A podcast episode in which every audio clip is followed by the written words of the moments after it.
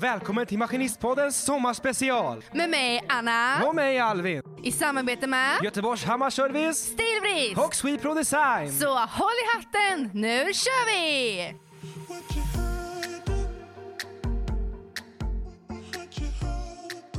Ja, onsdagen är äntligen här. Ja, och eh, hoppas att ni är taggade för slutet av avsnittet och en liten tävling.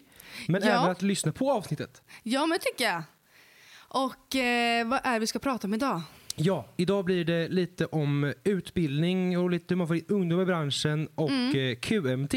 En väldigt viktigt ämne tycker vi. För Ja. det är väldigt viktigt, för dels är det, alltså, hur ska man säga, jag är själv eh, utbildad från en vuxenutbildning för bara några år sedan. Så jag eh, känner igen det här väldigt mycket.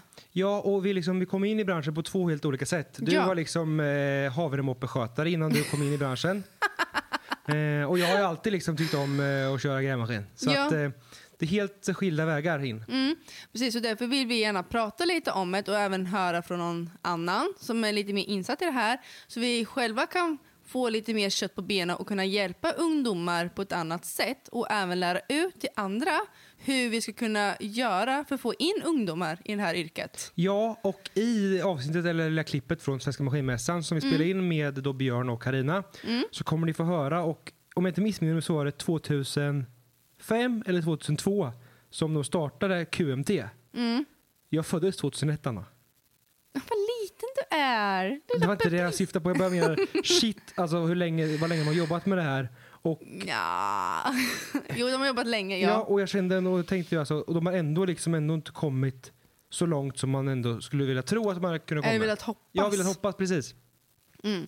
Nej, så jag tycker det är väldigt, väldigt viktigt nu att alla ni som lyssnar spänner öronen och verkligen tar åt er vad de säger så vi kan förändra det här. Så Ja. vi kan få in mer ungdomar, för det behövs. Ja, och jag tror ju liksom vi är rätt ställe för er. För att ni som lyssnar på den här podden, det är Mm. ni som kör maskiner, som är intresserade av maskiner, som redan har intresse kanske. Ja, Medan vi, det här QMT, det riktar sig kanske lite till alltså, folk som kanske inte vet om utbildningar. Mm. Om, och just ja, men alla som kanske inte har koll på det. Som Anna, liksom, Anna hade inte jättemycket koll på Nej, det här med maskiner och utbildning alls. Att det alls var ett alternativ för henne. nej, jag bara råkade snubbla in på att det fanns en vuxenutbildning om grävmaskiner.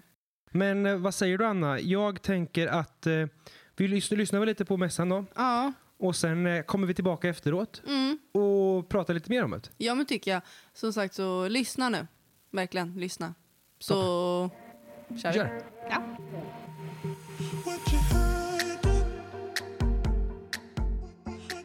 Björn Bäckström heter jag. Eh, Jag jobbar på ett ställe som heter, en organisation som heter Maskinleverantörerna. Och jag heter Karina Andersson och jag kommer från en yrkeshögskoleutbildning i Ljungby och vi utbildar fältservicetekniker på tunga fordon. Där ser man. Välkomna, välkomna. Tack, Ja. tack. Ja, och eh, som sagt var, vi pratade ju med Gabriel här tidigare lite om mässan och eh, ja, eh, grunden till det här och eh, lite mer tanken bakom den och det. Och eh, han pratade lite om det också att eh, han såg ju mycket att ni ville tänka på ungdomar och utvecklingen och det. Eh, Det är en jättestor brist av mekaniker och tekniker i vår bransch. Eh, Anställningsbehovet eh, kanske inte låter mycket men det är 350 tekniker och mekaniker varje år. Och i Sverige utbildas det 80. Och det jag kan tänka mig är att, för det jag vet att intresset är väl rätt så stort i alla fall för att bli maskinist kanske och köra grävmaskin eller lastmaskin. Men som sagt vad, om det växer och blir flera som ska köra maskiner så växer ju även eh, behovet av då fältmekaniker och mekaniker överlag.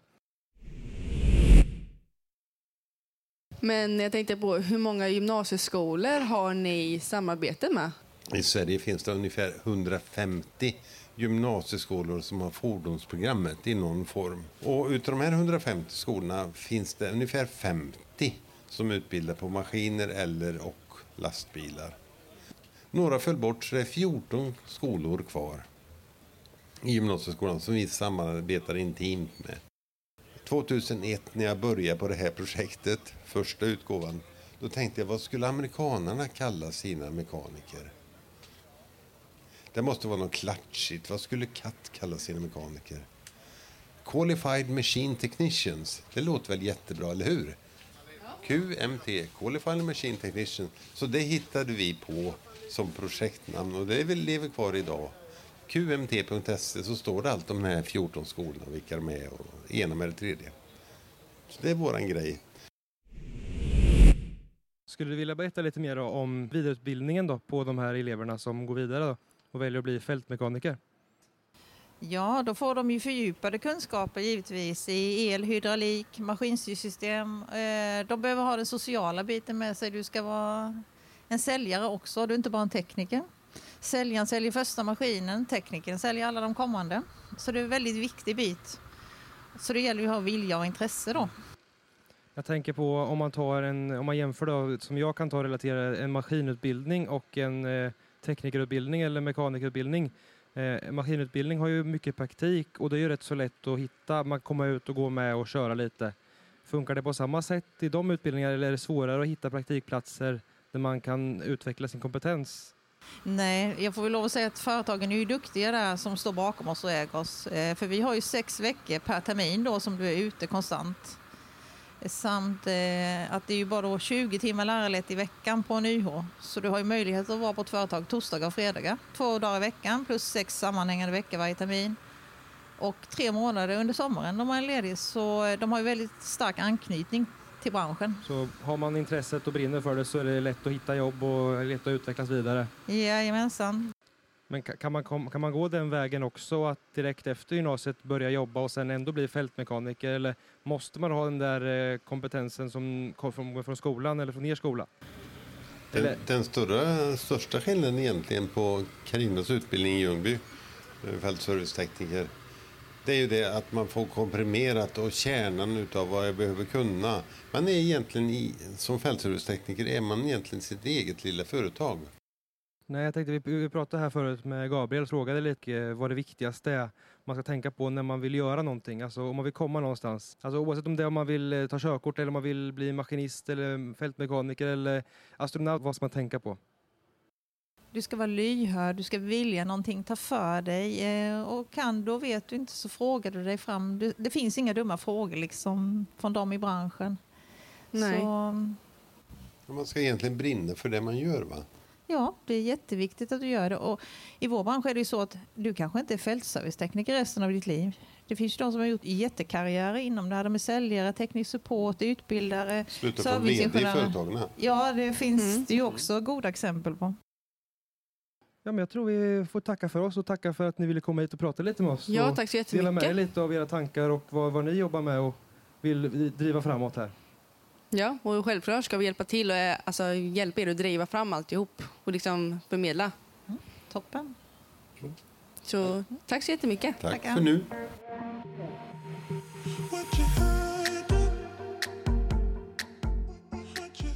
Ja, men eh, lite snack då. Det var ju lite från mässan där. Mm. Jag, eh, det var väldigt mycket prat i mässan där som jag har suttit och klippt bort här nu eh, tillsammans med dig också. Då. Mm. Och eh, absolut inte för att vara ointressant, men Nej. vi vill ju inte ha ett allt för långt avsnitt.